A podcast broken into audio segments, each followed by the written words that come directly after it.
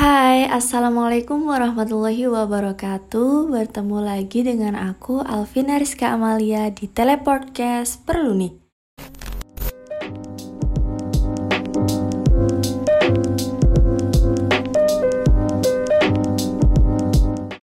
Jadi, acara Telepodcast Nih ini adalah acara podcast yang tentunya inspiratif dengan mengundang bintang tamu yang sangat keren-keren banget. Yang bikin pemikiran kalian makin jauh nih dan bisa nambah insight baru dan mind blowing banget lah pokoknya. Dan podcast ini bisa didengarkan halayak umum nih guys. Jadi nggak ada kubu-kubu tertentu yang cuma bisa dengerin podcast ini. Oke, langsung saja nih guys. Pasti kalian udah gak sabar kan? Hari ini bintang tamunya kira-kira siapa ya? Hmm, aku kasih clue nih.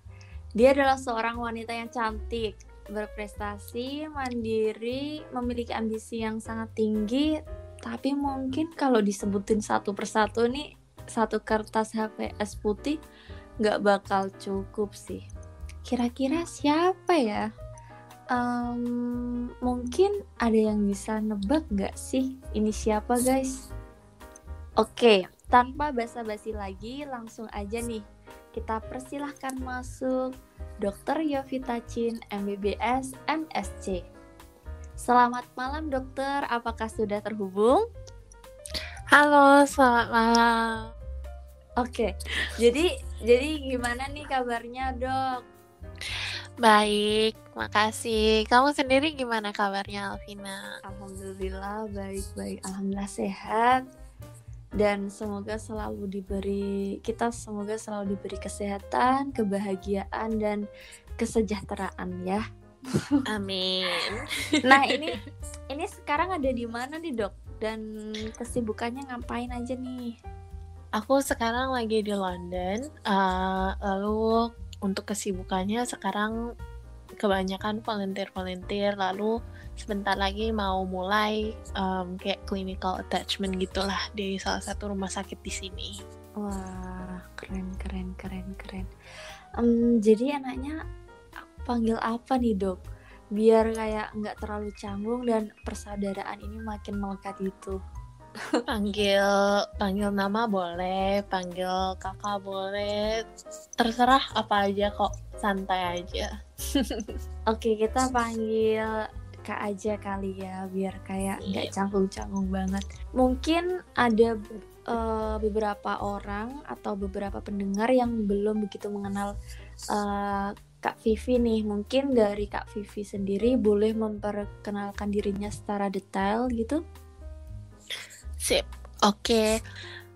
Uh, eh, halo, jadi perkenalkan nama aku Yovita Chin, tapi semua orang yang dekat dengan aku panggilnya Vivi. Jadi silahkan panggil aja pakai nama Vivi. Um, lalu soal historinya, aku adalah kelulusan Peking University tahun 2018 lalu melanjutkan studi ke London Imperial College London uh, untuk mengambil masters di cardiovascular and respiratory healthcare. Lalu sekarang kebetulan udah dapat license um, praktek di UK dan lagi tunggu untuk clinical attachment. Wah, keren banget, sumpah. Jantung itu uh, pelajaran yang agak ribet ya, jantung sama uh, nerve itu kayak agak detail-detail gitu. keren detail, banget sih, keren. Gitu. keren banget sih kalau perempuan ngambil kardiovaskular tuh kayak keren banget menurut aku karena uh, aku sering banget kayak lihat lihat orang-orang yang uh, spesialis jantung kayak gitu um, dia kebanyakan laki sih tapi juga nggak menutup kemungkinan itu kan perempuan keren banget keren banget. Nah sekarang kan udah emansipasi jadi inginnya sih lebih banyak lagi perempuan yang jadi surgeon jadi dokter jantung. Semoga ya amin. Amin amin amin. Oke. okay. Jadi e, itu adalah perkenalan singkat dari Kak Vivi nih. Nah, hari ini kita bakal bahas suatu permasalahan yang sering banget nih dialami oleh para remaja atau tidak menutup kemungkinan kayaknya hampir semua orang uh, pernah berhubungan dengan masalah ini deh, yaitu tentang manajemen waktu. Nah, pada hari ini bareng Dokter Vivi kita bakal uh, berdiskusi mengupas tuntas tentang uh, golden rules of time management. Oke, langsung aja ke pembahasan yang pertama. Menurut Dokter Vivi atau Kak Vivi nih, um, mm -hmm.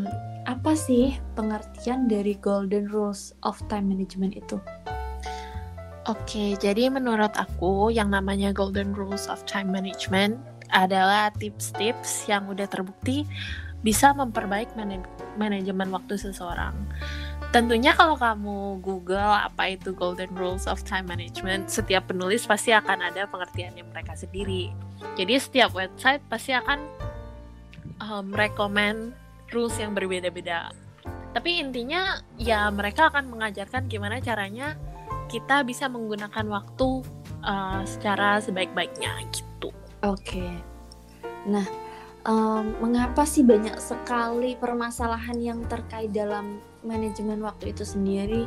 Sebenarnya yang salah itu waktunya sendiri atau dari kitanya sendiri yang belum begitu paham betul tentang bagaimana cara memprioritaskan waktu itu sebaik mungkin.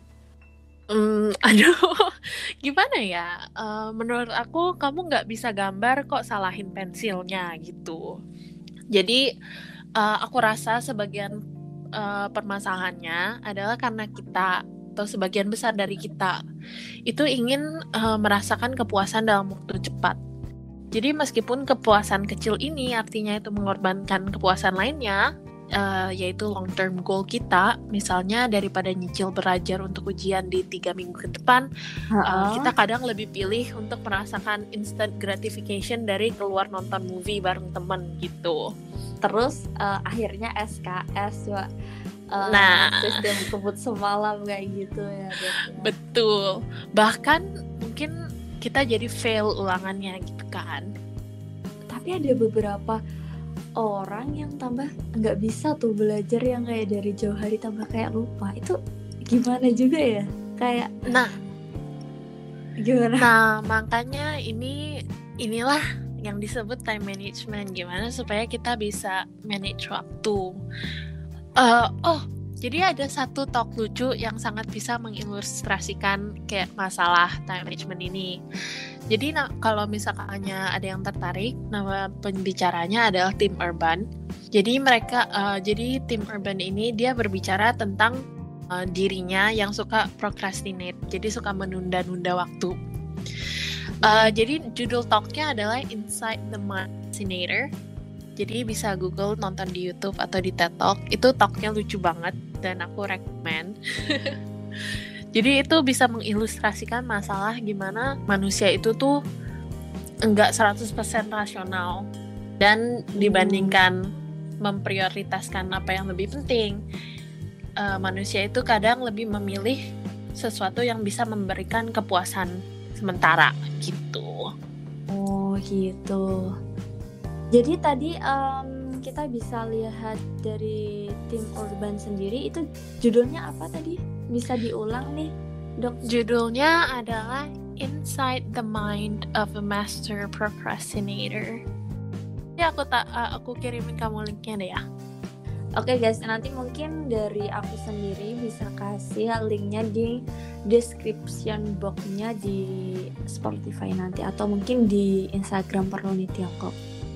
Jadi udah jelas sebenarnya yang salah itu dari kitanya sendiri sih yang terlalu meremehkan waktu itu sendiri terkadang. Jadi nah. mungkin beberapa masalah kayak suka menunda-nunda waktu, terus nanti dulu lah, nanti dulu lah. Nah, jadinya waktunya terbuang dengan sia-sia betul terus ada beberapa kasus nih dok yang sering terjadi dalam mahasiswa mereka sangat berambisi nih dalam mengikuti berbagai hal seperti organisasi, terus ekstrakurikuler, um, pokoknya intinya kayak masa-masa remaja atau um, waktu-waktu kayak mahasiswa itu kan kayak rasa ingin explore suka dengan kebebasan tuh kan kayak lagi tinggi-tingginya kan. Jadi kayak mereka lebih suka apa ya nyari sebenarnya niatnya mungkin bagus ya kayak nyari pengalaman nyari relasi kayak gitu mungkin. Tapi kebanyakan ada beberapa daripada mereka itu kebanyakan organisasi dan ikuti ekstrakurikuler kampus. Mungkin non akademik itu bisa menyebabkan kegiatan perkuliahan jadi agak terganggu nih. Dan jam belajarnya pun jadi kayak berantakan. Mungkin dari dokter Vivi bisa ada tips dan triknya. Bagaimana sih dok agar bisa memanage waktu sebaik mungkin? Uh, sebenarnya menurut aku ya segala sesuatu termasuk belajar soal time management itu perlu yang namanya trial and error. Jadi kalau kita mau belajar gimana cara mengatur waktu dengan baik, bisa sih baca 10 buku misalnya tentang time management. Tapi ini nggak akan sebanding dengan kalau kita benar-benar coba untuk mengimplementasikan atau benar-benar mencoba untuk mengatur waktu kita sendiri. Hmm. Jadi um, tips yang paling besar yang bisa aku kasih adalah ya just do it gitu. tapi memang sih ada beberapa uh, misalnya kalau kayak memang benar-benar bingung nih nggak tahu gimana caranya mulai atau benar-benar buta dengan cara membagi atau mengatur waktu. Emang ada beberapa teknik mengatur waktu yang terkenal gitu. Mungkin bisa disebutin dok apa aja gitu? Oh Oke, jadi beberapa yang paling terkenal uh, ada yang namanya Pomodoro Teknik misalkannya. Jadi di Pomodoro Teknik ini pertama-tama kita bisa set satu time unit. Biasanya ini kira-kira 25 menit. Lalu dalam 25 menit ini uh, kita fokus kerjain satu tugas. Di akhir 25 menit ini pas um, timernya udah selesai, kita bisa istirahat selama 5 menit. Nah, lalu 25 menit ditambah 5 menit ini cycle-nya bisa diulang mungkin 3 sampai 4 kali. Lalu di akhir cycle keempat kita bisa kayak break yang lebih panjang, misalkannya break 20 menit gitu. Uh, kalau untuk teknik mengatur waktu yang lain ada juga yang namanya time blocking. Hmm, bagaimana tuh kalau time blocking? Nah, time blocking ini uh, jadi adalah time management uh, teknik kesukaan aku. Aku uh, menggunakan ini setiap harinya. Dan aku rasa kalau misalnya uh, kalian pakai HP pasti ada fitur di kalender kalian yang bisa dipakai untuk time blocking. Jadi intinya adalah untuk time blocking uh, kita blok beberapa jam di satu hari untuk kerjain satu tugas spesifik. Misalkannya aku mau kerjain PR dari jam 1 sampai jam 3 jadi di uh, dua jam ini aku benar-benar hanya kerjain PR aja. Lalu setelah ini aku block time lagi untuk ngerjain hal lain gitu. Hmm, gitu ya. Aku belum pernah nyoba sih yang time blocking itu. Kalau yang Pomodoro udah pernah nyoba, tapi ya gitu, tambah ngelanggar sendiri kayak oke, okay, dua 20 menit oke okay, ya 20 menit fokus. Oke okay, HP HP aku aku sembunyiin di lemari atau di mana lah pokoknya. Intinya nggak ada di jangkauan mataku. Terus uh, istirahatnya 10 menit. Ya udah bisa kan. Terus cycle berikutnya bisa lagi. Terus udah udah sampai situ kayak nanti kayak kelanjutan kelanjutan. Itu kebanyakan itu kebanyakan dan apa ya istirahatnya tambahan astaga ya Allah gitu loh nah maka dari itu karena gitu loh. Iya, karena time management itu adalah sesuatu yang sangat individual kan.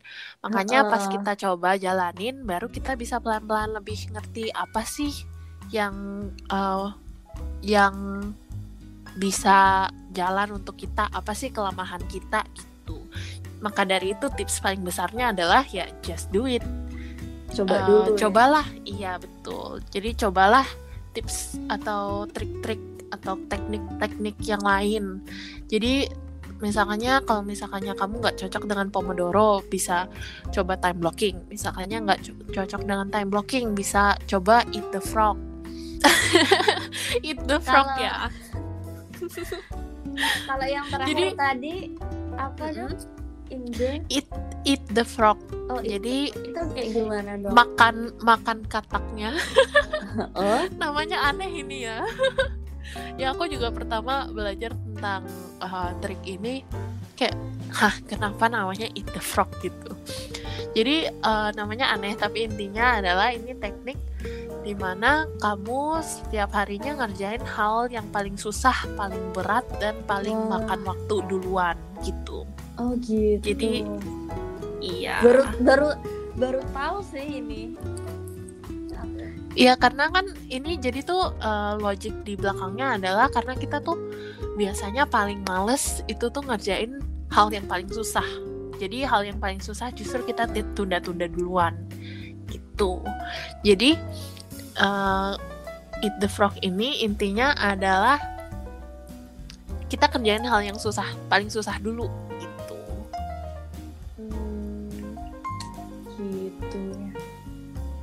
Coba aku yang time blocking lah.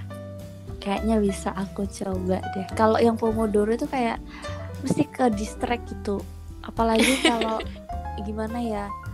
em, kadang-kadang tuh ada informasi dari grup atau mungkin em, organisasi atau apa yang kayak harus dilakuin cepet gitu. Jadi kayak loh kayak gitu loh. Jadi harus eh, pakai HP terus nggak nggak nggak harus sih tapi setidaknya kita jaga-jaga gitu loh banget. tiba-tiba ada informasi apa ini nih jadi mungkin uh, aku pakai cara lain dulu deh aku cobain satu persatu dulu dan mungkin kira-kira apa yang pas di uh, aku gitu Iya. karena iya sih kita nggak bisa memukul menyamaratakan kamu pakai ini pakai ini pakai ini karena kan beda-beda setiap individualnya tuh memiliki kepribadian beda-beda juga sih jadi nggak Bener. bisa nggak bisa nyamain Betul banget. Aku juga eh, aku juga pribadi itu tuh nggak cocok dengan Pomodoro karena biasanya aku tuh misalkannya kalau misalkannya belajar nih, Mm-mm. belajar itu tuh pas pertama-tama susah banget ngelihat HP terus. Iya. Tapi setelah ke belakang ke belakangnya itu tuh eh, baru masuk masuk kayak fokus gitu bisa berjam-jam. Tapi kalau Pomodoro kan harus break di tengah-tengah. Jadi aku tuh Ah. kalau misalkannya break iya ya kayak mulainya tuh susah lagi. lagi. Iya, eh, gitu. Jadi aku juga nggak cocok dengan Pomodoro. Oh, oke lah, oke. Soalnya kadang gini, awalnya itu oke kita kayak enjoy eh memulai itu tapi memulai itu kayaknya lebih mudah deh daripada kayak beristiqomah untuk melakukan terus-menerus Em, kayak Maintain gitu kan maksudnya. uh, memaintain kayak bisa, bisa terus untuk melakukannya itu gitu loh lebih Mm. sulit istiqomah daripada memulai itu sih kalau menurutku Nah, makanya kan kita semua beda-beda. Kalau untuk aku mulainya itu tuh lebih susah. Aku lebih gampang untuk lanjutin terus gitu. Aku lebih gampang kayak inertia gitu. ya nah ini beda lagi kan sudah iya. Oke oke.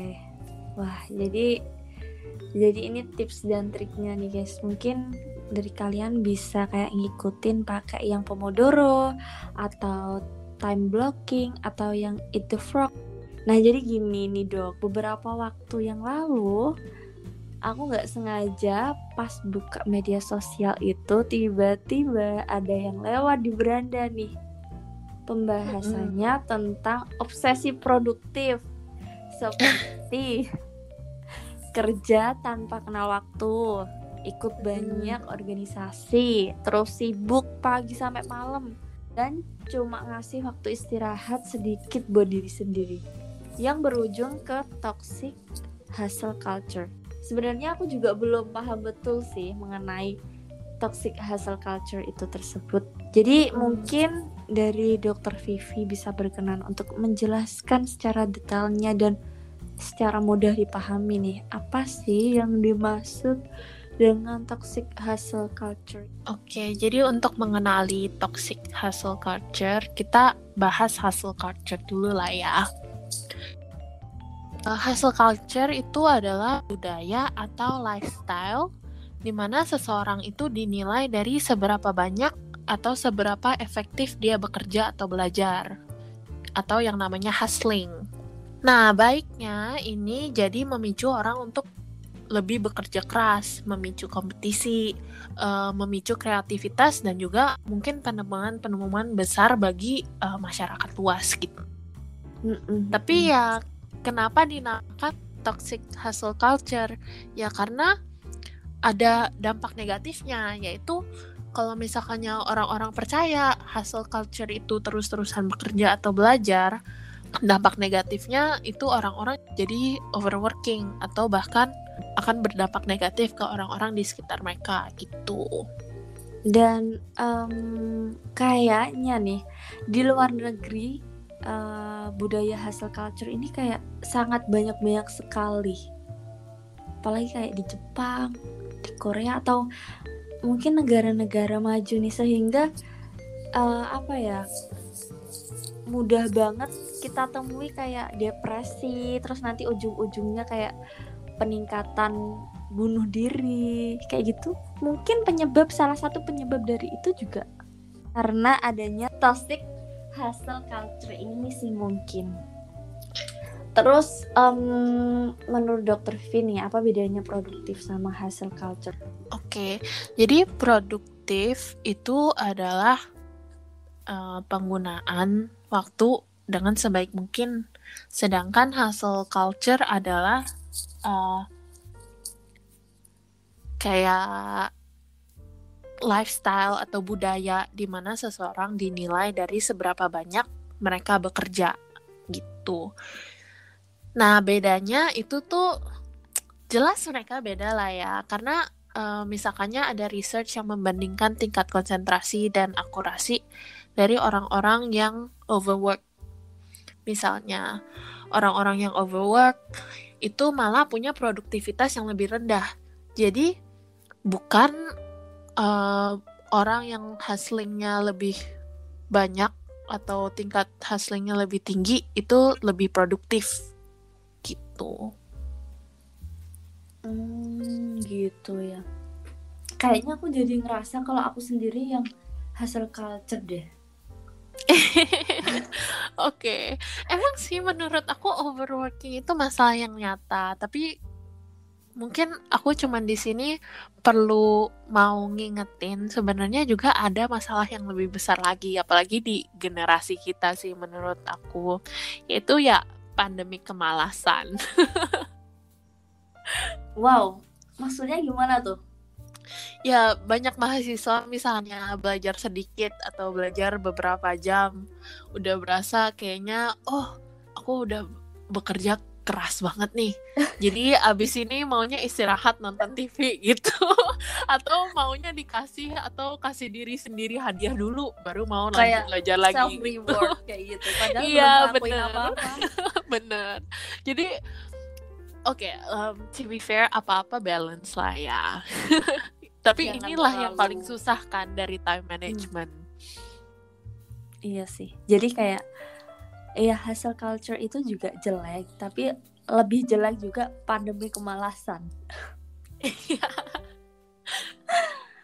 sumpah kayak ngerasa kayak sempet um, bilang ke diri sendiri kadang-kadang kayak kok um, aku nggak bisa kadang-kadang gitu pas banyak uh, tugas terus kayak apa ya semuanya banyak kerjaan lah hektik banget lah ini sibuk. Terus habis mm -hmm. itu kayak ngerasa kok kayak aku nggak bisa nikmatin waktu ya? Kayak gitu. Terus aku mikir masa ini aku hasil culture aku kayak gitu. Kayak kayak gimana ya?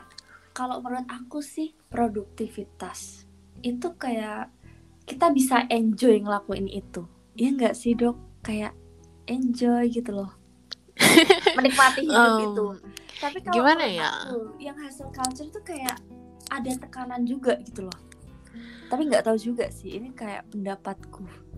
Hmm, menurut aku hustle culture itu sendiri bukan sesuatu yang buruk, tapi uh, kalau misalkannya kita overwork, baru itu menjadi sesuatu yang hal yang buruk. Apalagi kalau misalkannya uh, meningkatkan tingkat stres kita, jadi jauh lebih tinggi dari orang-orang sekitar gitu.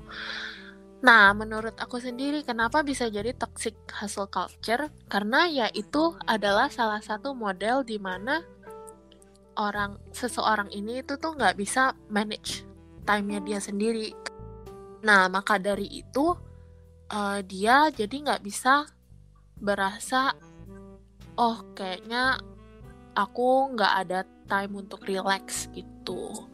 Jadi sebenarnya time management itu kan untuk bantu kita supaya uh, kita bisa menggunakan waktu sebaik-baik mungkin. Nah, dalam dalam konsep ini juga adalah menggunakan waktu untuk uh, eh, self care. Misalnya untuk santai, untuk enjoy hobi dan juga untuk bekerja gitu. Um, hasil culture ini juga menurut aku sih bisa berdampak banget sama kesehatan mental seseorang sih. Kalau stres terus, depresi, bunuh diri. Iya. bisa jadi loh, bisa jadi kayak gitu sih menurut menurut aku. Oke dok, jadi kita masuk ke uh, pertanyaan untuk pembahasan selanjutnya. Apakah toxic hustle culture itu bisa berdampak pada time management dan bagaimana caranya agar kita bisa menikmati hidup kita. Dan mungkin nih yang sekarang lagi terjebak di hustle culture juga bisa keluar dari zona merah itu. Gimana nih? Nah, menurut aku tentunya toxic hustle culture bisa berdampak pada time management. Karena mungkin uh, kita berasa kalau misalkannya culture-nya memangnya toxic, jadi kita akan berasa, oh kerja seberapapun itu tuh nggak akan cukup. Dan lagi kita mungkin akan coba untuk multitasking. Padahal multitasking itu malah menurunkan produktivitas dan overworking juga akan menurunkan produktivitas. Ini ini bukan hanya opini belaka loh, karena sudah Sumpah, ada. jujur, jujur ini bener banget. Yes. Kemarin kejadian, kemarin kejadian satu waktu itu tiga kelas aku mm jujur wow. satu waktu itu tidak kelas tiga kelas jadi uh, yang satunya itu um, aku ikut webinar terus habis itu satunya itu ada kelas tambahan. Mm. satunya itu kelas wajib. Jadi kayak tiga langsung. Jadi laptop HP HP jadi sumpah tuh kayak pecah banget sih. Kayak nggak bisa fokus sama semuanya. Jadi aku pilih salah satu yang menurut aku ini penting banget kayak gitu. Yang lainnya aku bisa di uh, lihat di recording ulang lah intinya jadi nah. aku cuma bisa fokus karena emang jujur kalau ditanya multitasking nggak aku? Um, tergantung tergantung apa yang uh, aku kerjakan saat itu. Kan ada ada apa ya? Ini kayak mudah ini berat kayak tergantung gitu. Kalau mungkin yang satunya mudah satunya biasa aja gitu bisa dilakuin dilakuin bareng-bareng. Tapi kalau mamanya satu udah kayak sulit ya udah bisanya cuma satu itu aja gitu. Tapi bener sih itu bukan opini belaka tambah bikin. Konsentrasi kita buyar tambah ilmunya bukan bukannya masuk tambah halah nggak tahu ke mana. Benar banget. Kalau misalkannya misalkannya ada pendengar yang nggak punya pengalaman sendiri nih, boleh dicoba di Google mana research yang membandingkan tingkat uh, produktivitas orang-orang yang single tasking sama multitasking gitu. Bener sih.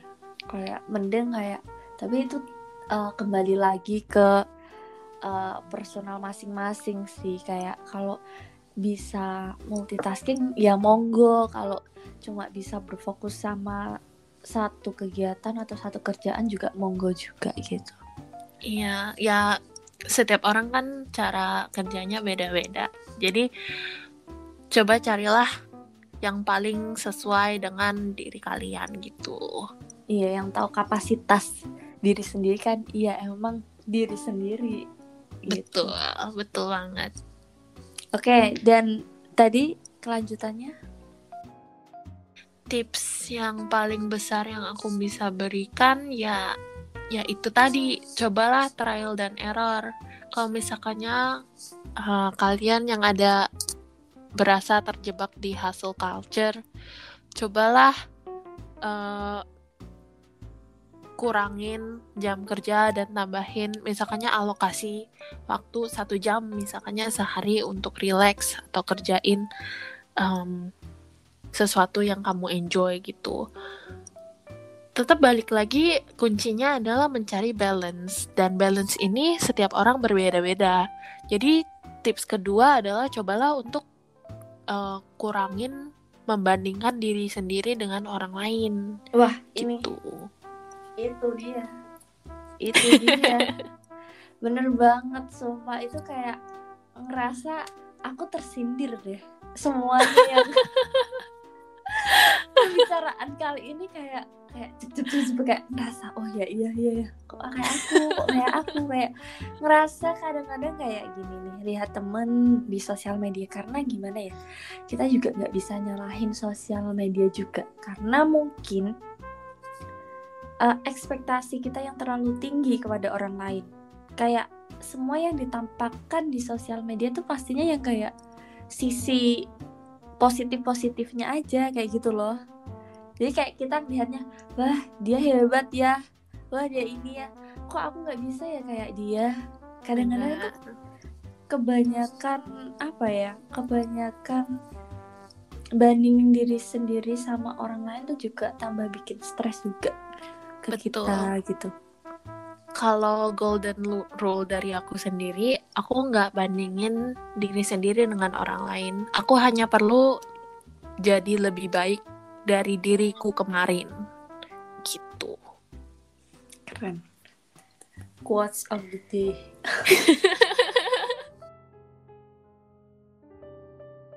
Kembali ke masing-masing sih kayak sebisa mungkin cari balance yin and yang lah intinya. Betul. boleh bekerja tapi ingat istirahat. Boleh istirahat, boleh leha-leha tapi ingat kerjaan juga menumpuk di belakang. Yes, betul. Oke, sampai juga nih di pertanyaan terakhir nih, Dok. Bagaimana hmm. cara agar bisa konsisten dengan tetap berprogres dalam hal mempergunakan waktu itu dengan sedisiplin mungkin dan sebaik mungkin. Menurut aku, hal yang paling besar adalah ingatlah goal jangka panjang kamu itu tuh apa. Jadi misalkannya lagi males-malesan atau lagi nggak ikutin schedule nih, cobalah ingati diri sendiri. Oh iya, goal panjang aku itu tuh ini. Yang jadi tuh Inggrisnya adalah keep your eyes on the prize gitu. Mantap banget. Jadi tetap ingat tujuan utama kamu berdiri di sini tuh apa gitu loh. Iya betul. Karena uh, kehidupan ini kan bukan bukan sebuah sprint. Itu tuh lebih mirip sebuah maraton kan. Kalau misalkannya kita sprint doang, ya cuma sebentar aja tapi padahal kita tuh maunya kan maraton nah sedangkan maraton itu tuh goalnya itu tuh nggak selalu kelihatan tapi uh, pelari maraton setiap orangnya punya goal di dalam pikirannya gitu that keeps them going. Ya kalau seumpamanya sekarang uh, capek ya istirahat nggak apa-apa tapi jangan sampai berhenti gitu. Betul. Ingat bagaimana kita bisa berdiri sampai titik ini tuh nggak semudah yang kita pikirkan. Kayak tiba-tiba kita harus nyerah begitu aja ketika ada mungkin uh, ada kerikil kecil lah yang ada di depan kita gitu jadi ingat goals juga Wah nggak kerasa banget nih guys, kita sudah sampai di penghujung acara pada hari ini. Keren banget gak sih pembahasan kita pada hari ini? rasanya masih pingin diskusi lagi nih sama dokter Vivi. Soalnya keren banget nih beliau bisa menjelaskan ke kita dengan detail tapi mudah juga diterima dan dipahami untuk kita dan para pendengar yang lain. Saya ucapkan terima kasih kepada Dr. Vivi yang sudah bersedia untuk bergabung pada acara podcast sharing pada hari ini. Semoga di acara berikutnya kita bisa sharing bareng-bareng lagi ya dok. Amin. Oke okay guys, waktunya aku untuk undur diri mengakhiri podcast kita pada hari ini. Stay tune terus untuk episode-episode lainnya yang pasti temanya seru-seru banget dan diskusinya bareng dengan bintang tamu yang keren-keren lagi tentunya. Dan sampai jumpa. Wassalamualaikum warahmatullahi wabarakatuh.